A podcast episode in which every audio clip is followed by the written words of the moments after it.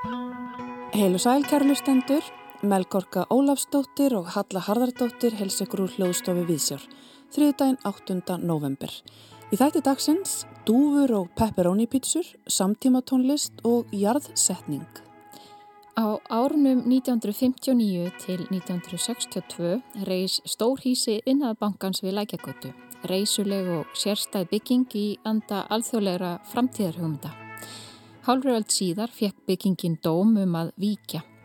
Niðurif eðnaðabankans og jarðsetning hans hefur verið arkitektinum Önnumarjut Bogadóttur hugleikin. Á síðast ári var kvikmyndin Jarðsetning frumsýnd á RIF og í kvöld verður haldið upp á útgáfu nýrar bókar með sama titil. Bókin er hönnuð af Snæfríði Þorsteins og gefin út af Angustúru. Við hittum höfundin og arkitektinn Önnu Marju Bóadóttur á nýju hóteli við Tjarnakötu sem nú er reysið þar sem yðnaðbankin stóð áður. Líkamleg nánd, dúfur, konur sem glíma, pepperoni-pítsur, orkudrykkir og asparlauf eru meðal þess sem að kemur fyrir á síningu auðar Lóu Guðnádóttur Bí Mæn í galeri Þölu við Hjartartorg. Skúltúrar auðar Lóu vísa í söguna og samtíman Hún var bara ljósi á minni úr ólíkum áttum, fundnum jamt á jörðu sem á himni sem á internetinu og um leið var bara ljósi á baksöguna sem flest alþýðu minni geima. Verkin eru ófullkomin því eins og auður Lóa bendir sjálf á þá umlegur fullkomleikin okkur alla daga og hver hefur svo sem gaman að því. Við hittum auður Lóu og verkin hennar í þættu dagsins. Við skrifum ekki tónlist fyrir hljóðfæri heldur fólk Tónlistafólk sem leikur tónlistina af fáaðri feimi og aga í gegnum hreyfingar, lima, andardráttar og rattar. Tónlist er ekkert annað en mannleg samskipti með hljóðum. Svo hljóðar upphafið að tónlistapisli Þráins Hjálmarssonar sem í dag fjallar um tónlist Handan Ritunar. En við byrjum á því að líta niður í bæ og minnast hús.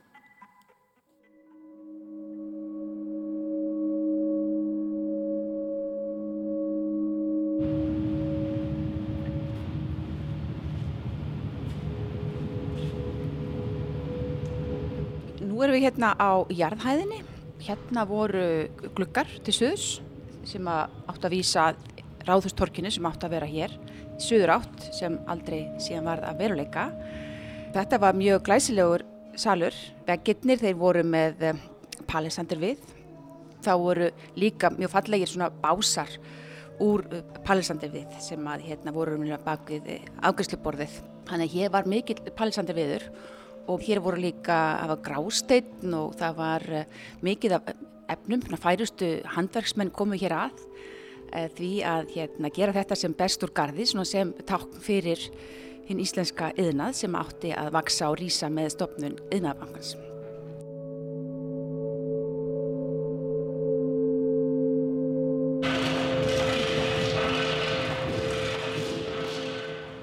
Anna-Maria Bóðardóttir, Jarðsetning myndin jarðsetning var sínd í fyrra en núna er komin út ný bók með sama teitli. Hverju bætir hún við? Bókin er svolítið áhugavert form að því hún gefur tækifæri á að stækka viðfangsefnið og opna viðari glukka. Þannig á meðan myndin sem já var sínd á Rifi fyrra en er núna að byrja aftur í almennum síningum í Bíóparadís. Hún er fyrst og fremst eh, svona portrætt af niðuröfinu sjálfu sem við fylgjumst með raunverulega upplaust byggingarefnana innan úr bygginginni með borginna í bakgrunni og erum við bara trú því sem er að gerast þar að svona sína bara niður yfir en bókin raunverulega þá gengi inn í bygginguna og fer þaðan á vit hugmynda og drauma og söguborgarinnar og söguhugmynda og mína eigin sögu.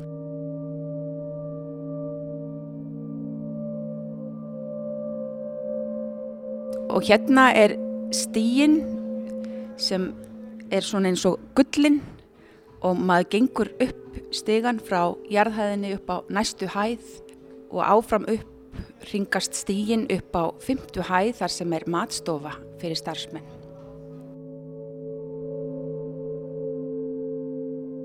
Við erum að tala um niðurif á stórhísi innaðbankans sem var byggt í kringu 1960. Segð okkur aðeins styrlega frá þessu húsi.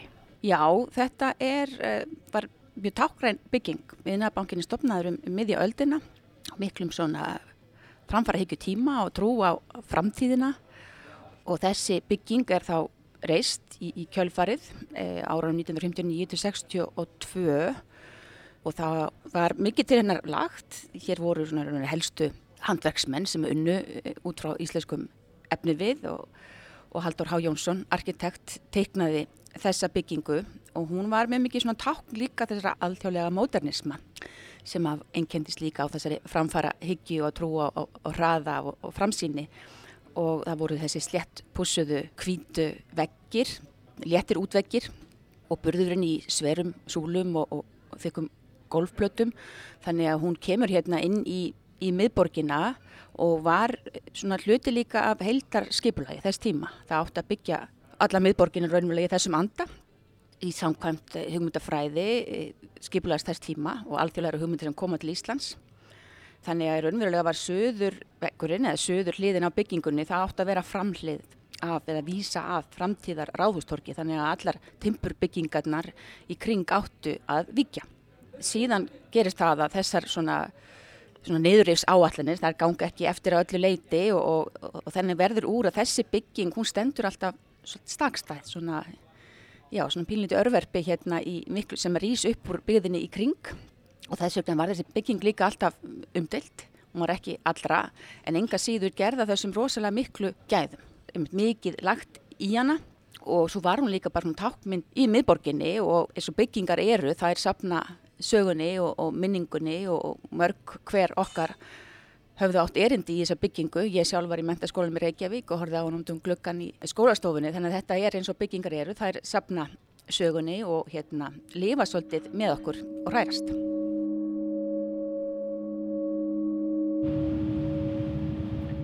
Enginandi hér inni eru þessar þykku súlur sem að halda uppi og eru berandi eins og gólplöturnar á meðan útveikirnir eru léttir.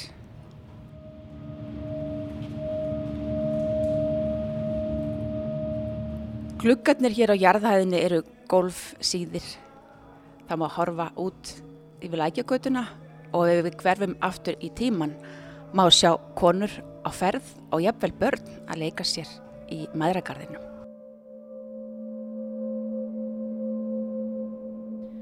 Þessi bygging var svona ákveðin tákmynd þessa tíma og þessa hugsunarháttar sem var við líði á þeim tíma sem hún var byggð. En svo er allt annar tími þegar niður yfir á sér staði kringu 2017 og jarðsetningin og þú varpar þessum tveimur tímum svolítið saman eða speiklar þá í bókinni. Já, ég svona varpa því fram, ég segja svolítið að byggingin hafi svolítið verið kannski svona fórnarlamp eigin hugmyndafræði um það að vaða svolítið áfram og, og hérna vaksa og, og gera hlutina stærri og við þurfum að láta aðra hluti vikja því við séum að koma áfram eitthvað nýtt. Og líka þessi með þessi hugmyndum bæði vöxt í handiðnaði og líka svona verksmiðinaði sem var hérna á sjönda áratögnum hefur kannski horfið tilbaka áherslan á það e, og nú er meiri áherslan á ferðarþjónustu og hugverkaðinnað sem ég bendi á og við sjáum það náttúrulega í miðborginni hvernig mitt ferðarþjónustan er orðin svona ríkur þáttur í uppbyggingu miðborgarinnar ólíkt því sem var á þessum árum þegar byggingin sjálf var að, var að rýsa. Og þú tala líka um byggingu samniðu þjóðuna í New York og, og tala um þann hugsunarhátt sem að var við líði líka bara á alþjóðavísu á þessum tíma og hvernig fólk var bratt á ákveðin hátt og hafði trú á samstarfi og framleiðni og, og það væri svona kannski óháð e, náttúruauðlundum sem að stæðu til bóða og núna stöndu við í, á öðrum stað og þessi ringarás endur speglast svolítið í bókinni. Já, sannlega, þetta er þessi bygging svolítið líka kannski unnin að fyrirmynd, að reista fyrirmynd byggingar saminuð þjóðuna í New York sem var mjög, takkræn og hafði mikil áhrif bæði sem bygging en einnig svo hugmyndafræði sem þar var. Og það er líka svo áhugavert að sjá hversu mikil framfara hyggjan var og hagvakstar hyggjan, að til dæmis í samkeppning hér um ráðhús hérna um miðbygg aldarinnar, það voru allir arkitektur sem tóku þátt samalum að allt ætti að vikja og, og líka þessi trú á og vissa um að auðlindirna séu bara endalösar e, það er náttúrulega hugmyndafræði sem að kerfin okkar hafa byggt á og það er hugmyndafræði sem að hérna, við erum að horfast í augu við að verða vikja en við eigum ekkert endilega auðvelt með að, að takast á við það og gera þær breytingar sem eru, eru nöðsynlegar. Þannig að vissuleiti kannski líka jærsetning vísar til ákveðnar jærsetningar ákveðni hugmyndafræði sem að, sem að þarf að, að vikja. Og í þessu samingi þá bendur líka á að við gerum mikið úr því þegar við byggjum eitthvað nýtt og leggjum áherslu á þessa framleidni. En það sem snýra að jærsetningunni eða því að eigða eða bara rusli, það hverfur allt, það er ósynlegt. Við viljum helst ekki vita af því, þeim hluta af ringrásinni. Algjörlega, það hefur náttúrulega verið bara nánast allt í okkar umhverfi sem eru óhreinandi eða, eða úrgangur. Það er raunverulega falið undir yfirborðinu þannig að við, við, við sjáum það ekki og byggingar úrgangur til dæmis. Þetta er ótrúlegt magn af úrgangi sem er hérna í hlýðum Vívilfells og, og Álsnesi og víðar þannig að hérna höfuborgarsvæði er með svona rosalega stórar úrgangskistur en hún getur ekki tekið endalust við þannig að það eru mjög svona skorp skil í, í hugmyndafræði og við sjáum líka regluverk alþjóðlega er, er að breytast og svo framlegis en þetta er rosalega þungt gufiskip sem við erum að snúa því öll kerfin, allir innviðirnir, öll hugsuninu hugmyndur, hún byggir á þessari grundvallar hugmyndum að öðlindirna séu óundanlegar. En þú tekur líka personlegan pól í þessari bók og þú tvinnar saman við tekstan bæði umfjöllunum þessa byggingu en líka svona víðara samhengi, byggingasögu og arkitektúr og alþjóðlegt samhengi og líka svona þína persónlösögu alveg aftur í batnæsku og talar um ömmu þína og húsi sem að hún byggði. Er þetta á eitthvað hátt svona myndlíking líka? Er þetta líka þessari tilhengu til sífældar framleiðinni við þennan persónlega dugnað sem að gengur svolítið nærri okkur? Já og nei, ég held að það hefði ekkert meðvitað en auðvitað er það ákveðin, ákveðin speglun að hérna við erum öll að hlaupa og verða kannski hraðari og ná meira, komast yfir meira.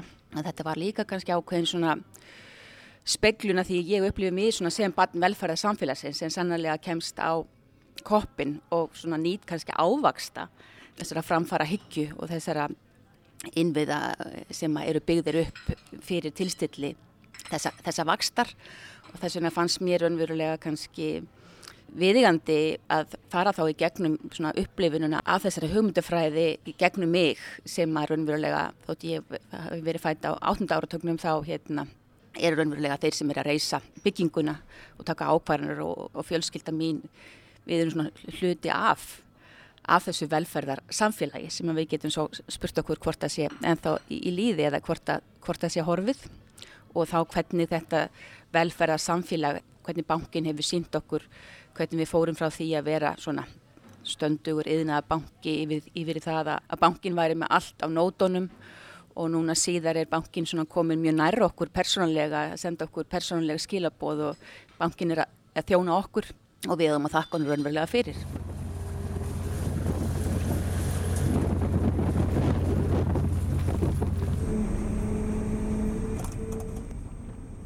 En hvernig kom það til að þú fóst að vera upptekinn af þessu niðurrifi? Þú skrásettir það mjög vandlega með því að taka myndir og svo að skrifa þessa bók. Hvað var til þess? Já, það er nefnilega góð spurning og ég held að þessi, þessi bók og, og þessi mynd er svolítið bara svona mitt eigið svar við því. Ég raunverulega vissi ekki akkurat af hverju ég var svona upptekinn af þessu. Ég vissi bara þessi bygging og, og þetta svona upphaflega, þetta niðurrið sem vofði yfir, hafði bara áhrif á mig.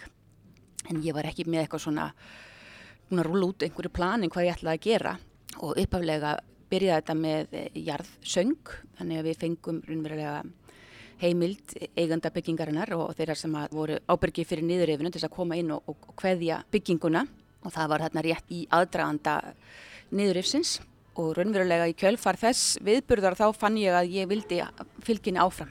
Eins og ég segi, ég vildi fylginni alla leið til enda. Uh, og í þessu tilfelli er það á urðunarstaðin þannig að það var kvikmyndatökum aður sem tók upp jarðsöngin sem heitir Lógi Hilmarsson. Hann var með mér hér að taka upp og, og myndir í gegnum niðurifið og unnum líka í samstarfi og í samvinnu við Andris Lingberg sem fór fyrir nýðurifinu þannig við vorum líka að kynnast kannski fagmennsku þeirra sem að rýfa byggingar. Og áhugavert fyrir arkitekta við erum alltaf að kynna nýjar tekningar og, og líkunna því sem koma skal. Og við fögnum því með visslum og, og skálum í reysigilum og svo framvegis. En þetta niðurif og jærsetning er kannski svolítið eins og úrgangur sem við leiðum ekki hugan að og það fer fram í kyrþeg þannig ég var kannski upptekinn af þessum endalókum og úrganginum líka sem eru komin svolítið upp á sjónasviðið það er aðri hluti sem við þurfum að fara að leiða hugan að. Að það er ekki nóg fyrir okkur að sjá bara hvernig hlutinni byrja og allt þetta nýja sem við erum að fá. Við þurfum líka að vita hvernig hluturinn svona veðrast og þróast og hvað hann endar eftir að við erum búin að nota þannig að þannig kom brunverulega kvikmyndin til og ég hafði alltaf séð fyrir mér að gera einhvers, einhvers konar essayu eða einhvers konar litla greina gerð með þessari mynd. Og var byrjuð á henni að svona punkta niður hluti Uh, og var komin bæði með svona fræðileg brot. Og á tímabilið þá reyndi ég líka að fara svona þessa fræðilegu leið. Ég var komin með erindi á ráðstöfnu í, í Finnlandi og var að fara svona hennan hefbundna fræðilega farveg en ég stoppaði einhvern veginn þar ég fann einhvern veginn ekki já farveg fyrir það sem ég hafði svona lág á mér gegnum þann farveg og setti það svolítið í, í kvild og svo ógs þessi hérna essaya svolítið mikið og einn svona af áhrifamanneskjum í, í þýferðli var Guðrún Eva Mínervedóttir sem að ég hérna fór til hennar í hveragerði í svona hún hefur reykið akademíu þar, svona reillistar akademíu og það kom mér á spórið. Og úrvarð mikil og falleg bók sem að fer víða. Jærðsetning, hún beinir svona augunum að þessum aðtöfnum sem að við notum til þess að kveðja eða huga að endalokum og ekki bara upphafi og, og þann hátt fagna kannski húsinu sem hilki utanum ákveði tímabil í sögunni eins og þetta hús sem stóði í 50 ár það heldur um ákveði tímabil í, í sögu okkar sem þjóðar og, og byggingasögunni fannst ykkur að sátt með því að huga betur að þessari jarðsetningu? Um, Já, ég kannski sem arkitekt þá leitaði svolítið spurningin á því hvers, hvers, eða mín ábyrð gagvartinni byggða og gagvart byggingunni og hérna fannst bara mikilvægt að hveðja þessa byggingu með, svona, með virtum og í samstarfi við listamenn og síður útgefenda. Þannig já, maður tala kannski um ákveðna sátt en kannski er það líka þetta í viðbót við þessa byggingu. Það er kannski bara þessi virðing gagvartinni byggða almennt sem að hérna var mikilvægt fyrir mér að nota kannski örlög þessarar byggingar og yfirfæra það yfir á byggða almennt og kannski sátt með það að hlúa að raunverulega hinnu byggða og gera allt sem ég okkar valdi stendur til þess að vanda til verka og líka að, að þakka fyrir það sem að þarf að hveðja og verður að hveðja en kannski er það samt, ég blótið sem að tala um byggingu og kannski leika okkur með þess að svona samlíkingu millir líkamanns og byggingara sem líkamanns þá eru okkar svona líkamlegu örlög þau eru meira ákverðuð af einhverju sem við ráðum ekki við en hins vegar eru örlög bygginga í okkar höndum. Og það er kannski líka svo spurning sem að ég er að velta upp og horfa til mín sem fagmanns og sem samfélags að, hérna, að við raunverulega já, sem meðvitið um að við erum með örlög þessara bygginga í höndum okkar og það er mikilvægt þess vegna að gera það verið úr, úr verki og líka að hlúa að þeim, halda þeim vel við. Það hefur verið svona ljóður kannski á okkar menningu að við höfum ekki passa byggingarnar okkur nógu vel. Og eins þetta líka við hverjum það er svo í kýrþegi og svo enda það á örðunarstað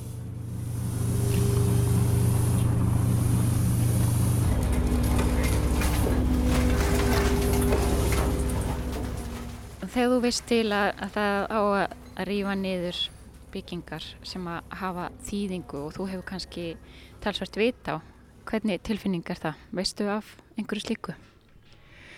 Já, það er mjög mikið niðurif framöndan og uh, ég er bent á að við erum á einhverju stærsta uppbygginga tímabili samfélagsins og ekki síst höfuborgarsvæðisins. Mikil fjöldi íbúða í uppbyggingu en það er líka í kortunum alveg gígvænlegt niðurif sem dæmi núna á heklureitnum.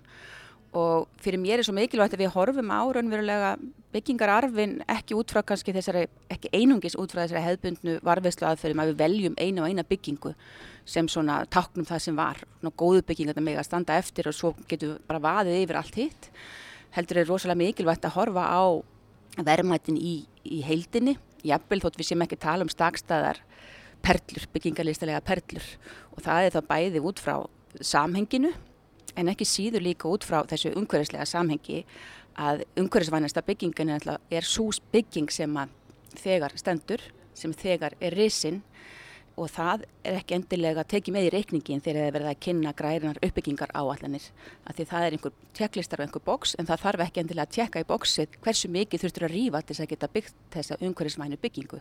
Og þar held ég við þurfum að stíga mun þjættar inn og vanda betur til verka og kannski líka sækja fram í þessari lofslags áskorunum með því að um, sína, ég hef talað um hérna liðveislu, veita umhverfinu og byggingunum meiri liðveislu, hlúa að þeim og hjálpa þeim að, lifa áfram.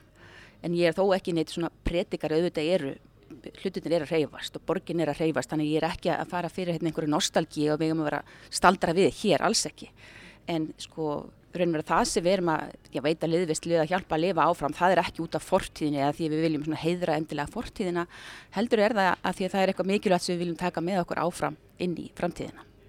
Byggingar eru kannski einhvað sem að við hugsaum ekki alltaf um en dveljum í alla daga og þessi bók er á marganhátt svo aðgengileg og opinn hverjum sem er. Hún segir frá þessi húsi en fleiri húsum og arkitektúr og, og svona þessum heimi sem ekki allir alltaf leiða hugan að. Er eitthvað hugsun í því? Viltu nálgast svona hinn almenna lesanda með þessari bók? Já, ég vil gerna svona vera í samtali við hinn almenna lesenda og uh, arkitektum sé hægt við að, að tala saman í, í lokuðum klubbi og mikilvægt að, að hérna, já, að miðla hugmyndum og kannski þekkingu okkar sem ég tel alveg gífulega mikilvæga að arkitektar búa yfir þekkingu og reynslu sem þarf að ná víðar út og það er alveg stór merkilegt til dæmis að í gegnum Íslands skólakerfi að komast maður í gegnum alla skólagönga á þess að hafa nokkur tíman hyrt um arkitektúr eða kynst nokkur í arkitektúr þannig ég myndi helst vilja fá bara arkitekta mentun bara eins og læsi, maður lærir að lesa teksta í skólum, við þurfum líka að læra að lesa byggingar.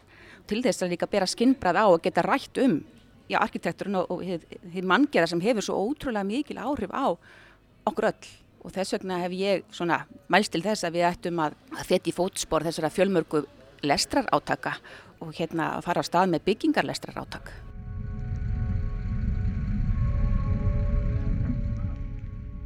Melgorka rætti hér við önnu Marju Bógadóttur og útgafu bókarinnar verður fagnaði kvöld í Bíóparadís og það eru allir velkomnir. En þá yfir í samtíma tónlist þráinn Hjálmarsson tekunum við. Um daginn stóði ég mig að því að svara aðspurður á þessa leið. Þessa dagana er ég eingungu að skrifa hljóðfæratónlist. Fullirðingin er raung á marga vegu. Við skrifum ekki tónlist fyrir hljóðfæri, heldur fólk.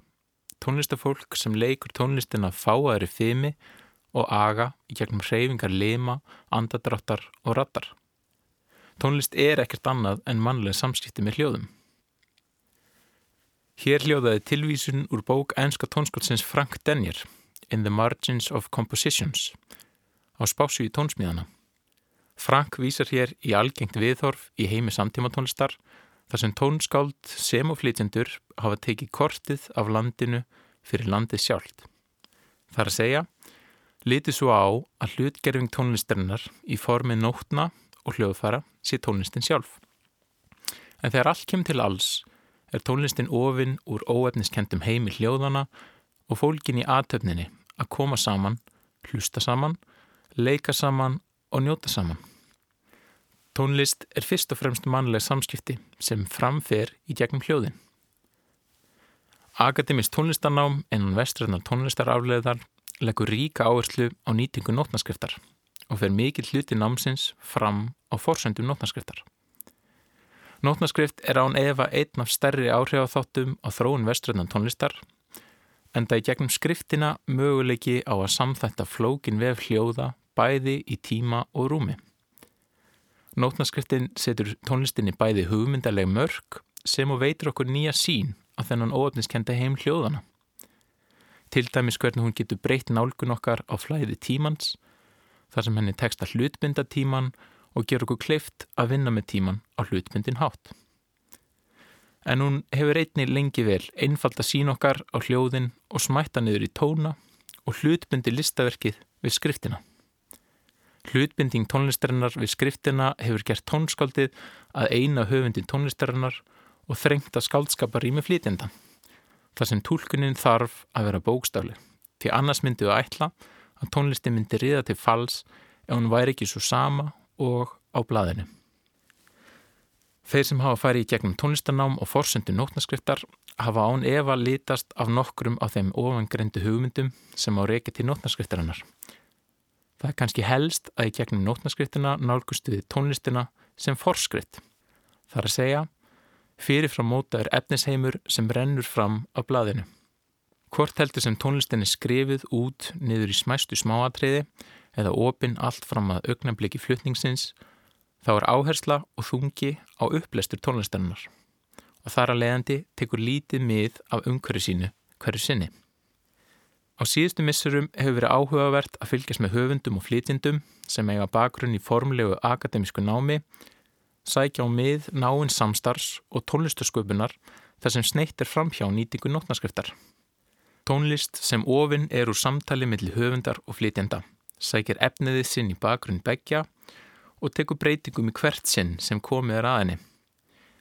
Hefur þessi nálgun gengið undir ólíkum hugtökum á borði lifandi skor eða á ennsku living score en einnig post-notational practice sem vandasamara er að þýða að mætti kalla aðferðafræði handan nótnaskriftar. Aðferðafræðin er ekki formbundin heldur verður til úr hverju samstarfi fyrir sig en óhætt er að fullera það að ætlunin sé að finna leiðir til þess að móta og skapa tónlist út frá huglagar í nálkunum sem dæmi hvernig hlustun og viðbráð getur móta tónlistina í auknabliki flutningsins.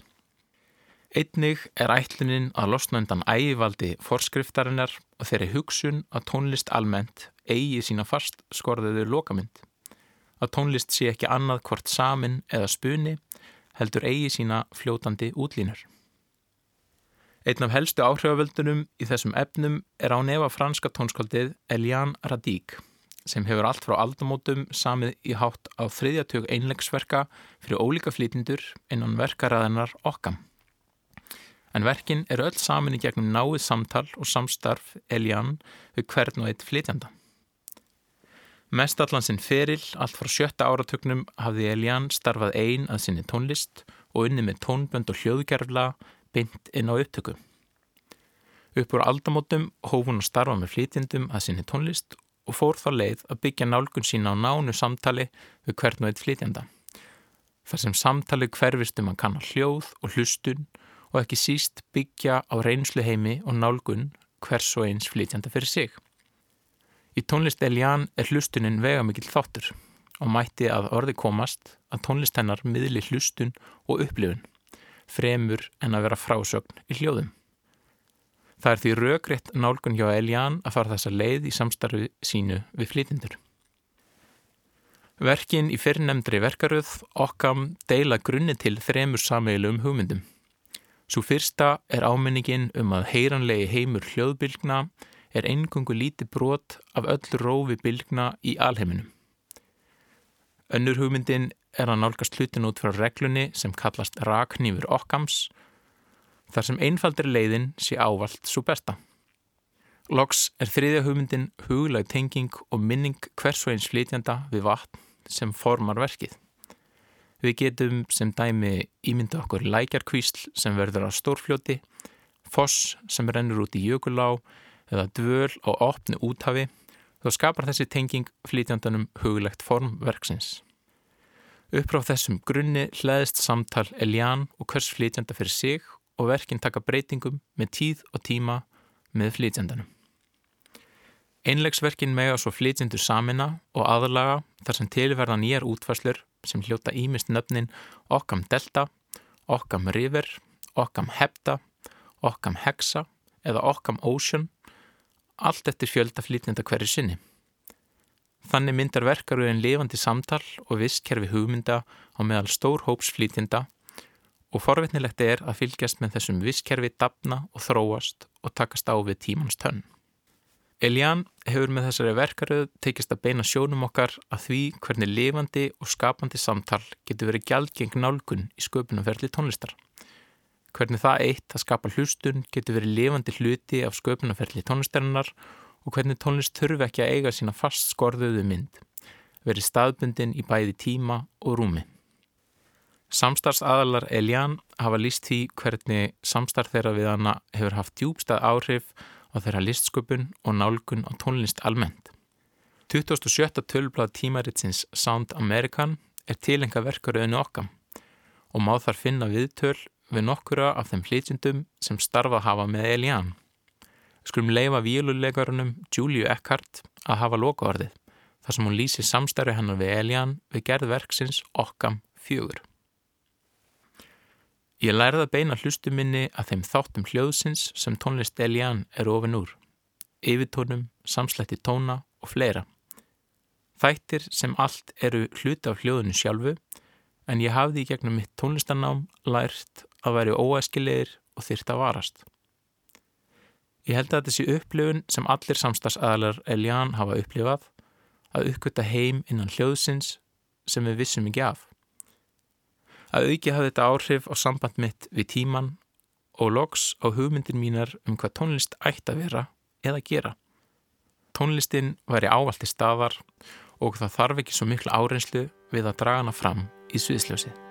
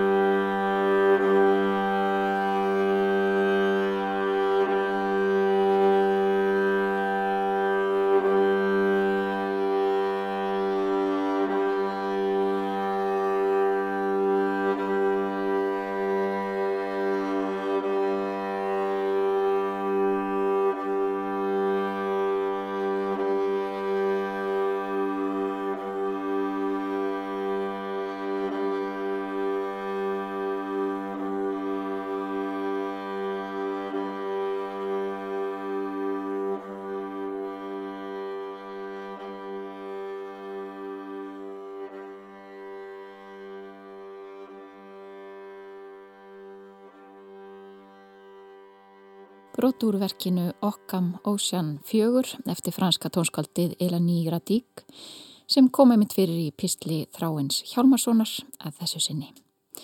En þá höldum við aftur niður í miðbæ. Frá því að auðurlóa Guðnadóttir útskrifaðist frá Listaháskóla Íslands 2015 hefur hann haldið fjöldasýninga um allt land. Auðurlóa hlaut kvartningaverlun myndlistaráðs 2018 fyrir sýninguna Díana að eilifu og vorið 2021 opnaði hann síninguna Já, Nei í Díasal listasaps Reykjavíkur. En það er listamönnum sem þykja á mótandi áhrif á íslenska myndlistasennu búið að halda sína fyrstu engasíningu í ofinberu sapni. Auðurlóa vinnur fyrst og fremst skúltúra úr pappamassa og hefur skapað sér sterkan stíl á fáinum árum. Lítum inn í þölu með listakonunni.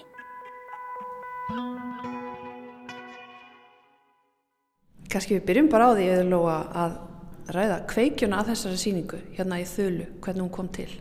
Já, einmitt. Ég, hérna, kveikjan var eiginlega þessi fríðadúfa sem er mjög, hérna, ábyrrandi í rýminu og eru jáfnframt, sem sagt, fyrstu fljúandi skuldurandi mínir til þessa.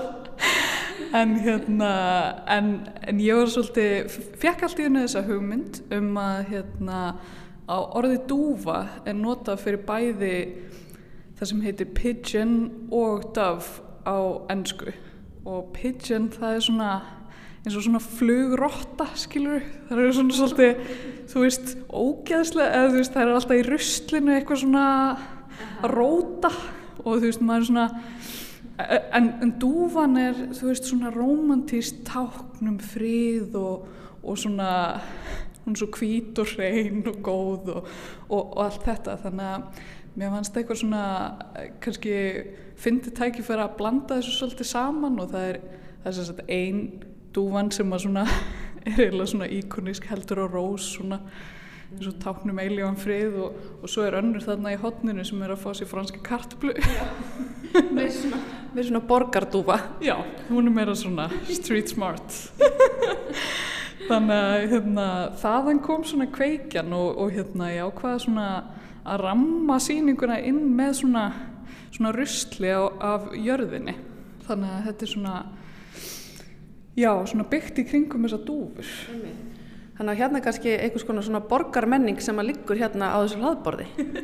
Já, og þetta er svona samplað úr, ég náttúrulega lappa alltaf á vinnustofuna á mótnana og þá er ég svona kannski að plana daginn og eitthvað svona og, hérna, og þá, þá byrja ég að reyna að taka eftir aðeins svona ruslinu sem varð á vegið mínum og hérna það má sjá að þetta er íslenskt rusl, þetta eru, e, þetta eru asparlauf, ekki mjög vinsæl, mm -hmm. náttúrulega og, og hérna svona síkaretustubbar og svo, svo hérna svo er hérna nokko dós.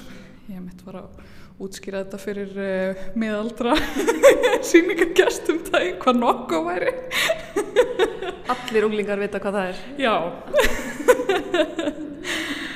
En, hérna, en svo blandast þetta svona inn í kannski svona meira svona skuldur sem eru kannski meira klassískir fyrir það sem ég hef gert áður og, og sumir eru kannski á einhverju mörgum -hmm. eins og þessir hérna, blái latexhanskar sem eru kannski í ruslamenginu en, hérna, en við kannust nú öll við á þessum tímpúti Við kannust við þína fagafræði hérna í rýminu og hér er mitt hundar og kettir það er nú eitthvað sem þú er unnið áður með. Ég sé að þú veist ennþá svona undir áhrifum frá þessum síðastur við töluðum saman þá vorum við eitthvað aðeins að tala um hérna Staffordshire stitturnar þessar bresku, Já. það eru ennþá að veita innblastur eða eitthvað?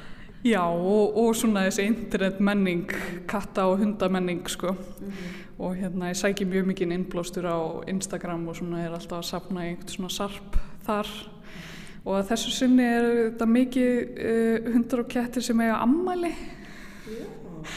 en hérna ég veit nú ekki alveg akkur að ræðist þannig. Þannig að kisa einhverjum bleikum, bleikum búning. Já, það er búið að klæða þessa upp og, og svo er annar köttur sem er hérna með svona partyhatt. Og svo er hérna líka hundur sem er búið að baka ammælisköku fyrir. Og hérna uh, og ammaliðskakan lítur út eins og hundurinn. Mm -hmm. og hann, hann stendur svona hróður við. Það er alltaf mikill húmor í verðbánuðinum það verður að segja En hérna talandu um þessar stittur og það, sko, kannski til að við rífum það eins upp, þá er það svona kannski þú rifið það bara upp þarna, út af því að þetta er svona svolítið svipu aðferðafræði hvernig þú vinnur að taka svona úr svona minni úr alþýðmenningunni og, og bera það á borð. Mm -hmm, Já, já ég hérna já, er náttúrulega alltaf först í þessum hundum og köttum en svo, svo koma náttúrulega hérna líka einhverjar mannverur fyrir og, og hérna og eins og ég segi þá sapna ég alltaf í einhvern svona smá sarp og er alltaf vakandi fyrir myndefni bara á netinu og, og þeir að lappa bara sjálf úti og, og þú veist úr dagmenningu og öðru. Og hérna og, og ég sapna bara freka miklu og, og hérna og það er ekkert alltaf alveg ljóst hvað, hvað það er sem að svona kannski heitlar mig eða eitthvað svoleiðis. En hérna en í þessari síningu þá reyndi ég að fókusera inn á sko eh, einhver mótíf það sem væri einhver svona eins og líkarlega nánd og hérna og kannski á svona mismunandi hátt. Eins og það er hérna krakki sem situr hún á kettinum sínum. E eða hérna eða það eru tvær svona glímukonur sem er að glíma. Mm -hmm. e og þetta er kannski svona ekki, ekki beint romantísk mótíf en, en samt svona á einhverju mörgum sko. Mm -hmm. og svo hérna svo kom þetta upp e þessi mynd hérna, það eru tvær uh, flugfreyjur frá flugleðum sem að halda á svona módelflugvél og hérna og þetta kom upp á hérna skemmtilegri Facebook uh, síðu hérna sem heitir gamaldags ljósmynd eða gamla ljósmyndir yeah. sem að mér er líka mjög skemmtilegt að fylgjast með mm -hmm. og hérna svona stundum dettur þetta bara svona í hendunar á manni og maður veit ekki alveg hvað það er eða maður dregst að einhverju vissu Það er alltaf mikil saga í verkoniðinum, er það ekki? Jú, ég, hérna, jú, það er það og kannski er það að hluta til baksagan sem að svona, sem að, hérna, drefum mann inn mm. í myndefni mm. og hérna, og kannski ekki alltaf baksagan sem að, sem að vera búast við eða kannski er það bara einhver svona baksaga sem að maður sjálfur hefur einhver svona gamla tengingu eins og, eins og þessi Valentínus og hjörtu hérna. Mm -hmm þau hérna, þetta er, þetta er ekki partur af íslensku umhverju byrjuris en hérna ég ólst upp uh, úti í, í útlandum að hluta til og hérna það var strákur sem sett í bekknum mínum sem að gaf mér svona hjörtu. Og það er svolítið svona eitthvað að, þú veist það er svona sútenging og hérna. Hann er núna mil, miljónamæringur í Tel Aviv þannig að ég hefði kannski geta átt að þessu öðru sér líf. En ég, ég man alltaf eftir þessum hjörtum sko. Hvar voru þið saman í skóla? Við vorum saman í skóla, alþjóðlegum skóla í Malawi Já. það sem að fóreldra minni voru hérna búsett og voru að starfa á þeim tíma og hérna magnað vegna þess að þetta lítur eitthvað svo svona ameríst út þessi hjörtu Já, þau eru náttúrulega amerísk og, mm. og, hérna, og svona nýlandum menningin þarna úti í Afríku er mjög mikil samsöða af ímsu og einmitt þarna úti er rosa margt brest til dæmis sem að hérna, sem svona hefur mm. komist inn í menninguna og, og til dæmis þessi hjörtu sem voru alltaf út um allt á Valentínus og daginn mm og hérna og svona tétrykja og, og eitthvað svona eitt og annað sem að hérna, kom inn í mitt líf en, en hérna þó ég haf aldrei búið í Breitlandi Og hérna eru þau komin inn í hérna, íslenska borgarlandslægi þetta er eiginlega kannski líka veist, hver hlutur segir sína sögu. Ég veit ekki mm. af hverju þú stillið þeim saman. Það er kannski hvort sem það er tilvæglan kent eða, eða hvernig það er. En auðvitað er þetta líka þetta er einhvers konar hlaðborð af þér líka Já, það, ég held að það listaverk séu það alltaf. Og hérna og ég veit ekki hversu gaman það er fyrir áhörvendur að vita það. En það er svona ég hef tengingu við alla þessar hluti og eins og, eins og til dæmis bara hérna COVID latex hanskarnir þetta, ég nota líka svona hanska þegar ég er að vinna mm. og þegar ég er að búa til skúltúrana og það sem gerðist í COVID og kannski margir vita er að svona latexhanskar hækkuðu því líkt í verði. Þannig að núna er þetta orðið hálkið muna að vara og, og svolítið svona óhefilegt fyrir mig persónulega. Og svo já þú veist þannig að maður hefur svona alls konar tengingar þú veist undirleikjandi sem að, sem að kannski er ekkert þarna fyrir alla að sjá. En kannski er hægt að finna fyrir því. Mhm. ég veit það ekki.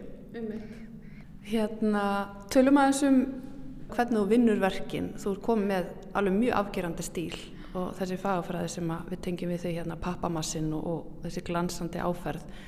Segð mér aðeins frá því hvernig þetta hófst.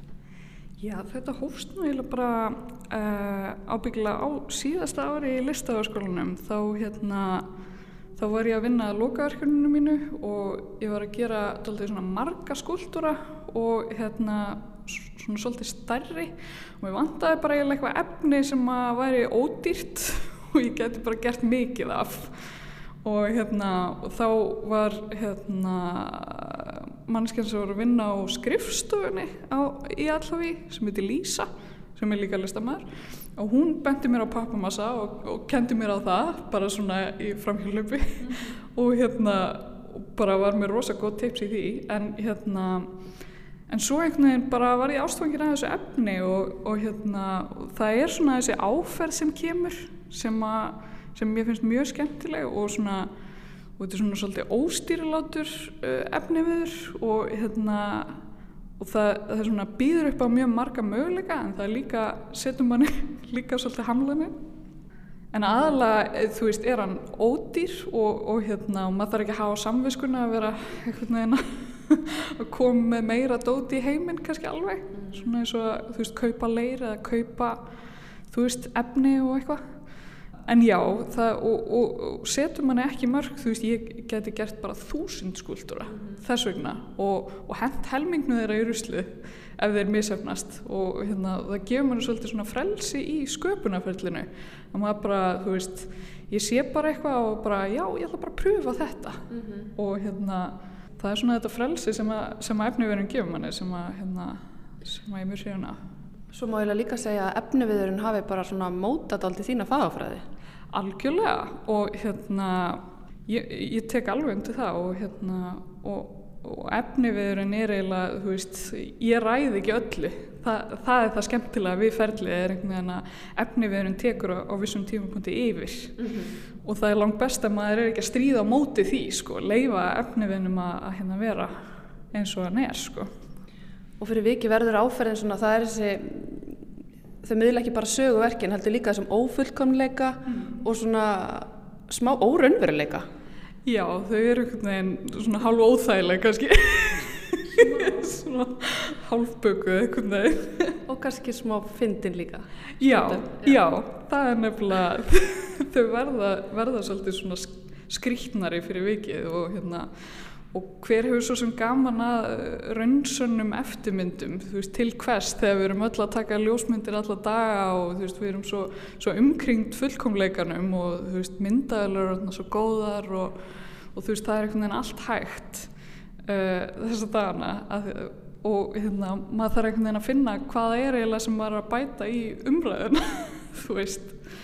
Uh, þannig séð, þetta væri ekkert áhugavert þetta væri bara alveg eins og allt annað. Þannig að Segð mér aðeins frá þessari pítsu Já, þetta er Domino's pizza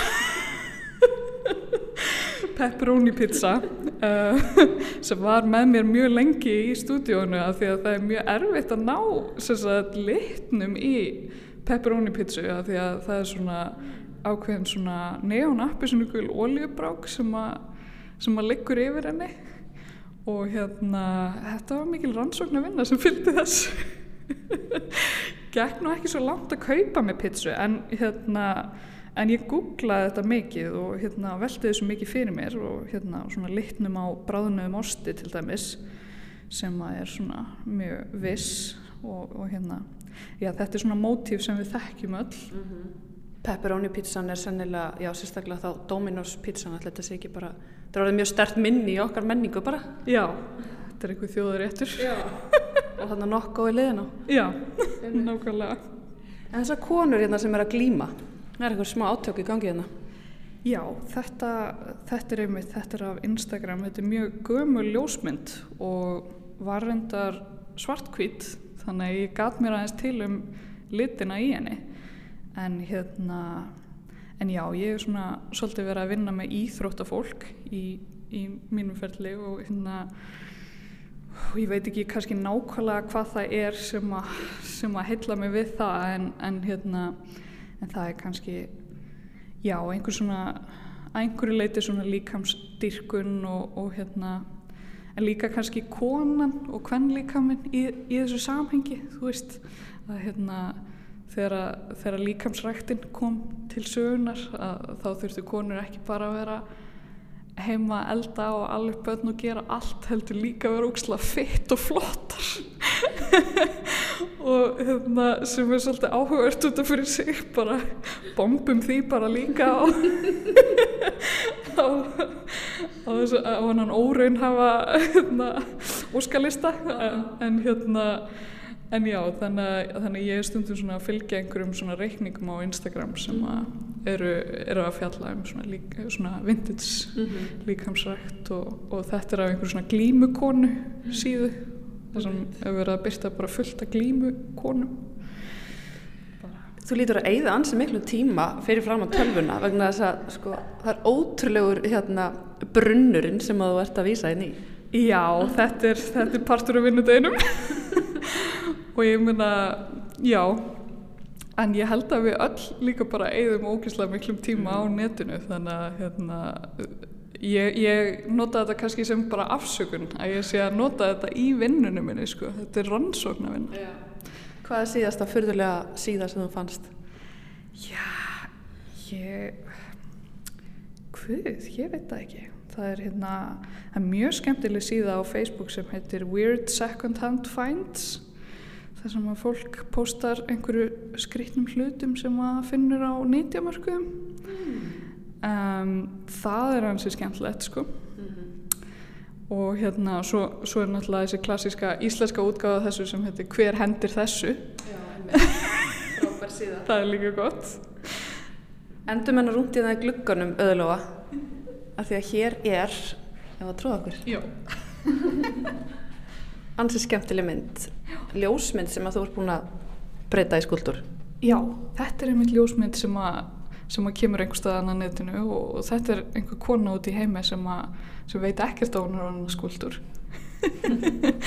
en, en hún hefur ákveðið að, að hérna, hún, hún hérna á þessa tvo hunda og hefur ákveðið að skella í, í ljósmynd og hérna því hún elskaði svo mikið get ég ímynda mér og hérna mér fannst hún eitthvað svo hróðu og flott með þessa hunda að ég bara, mér langaði eitthvað svona að gera hana eilífa eða eitthvað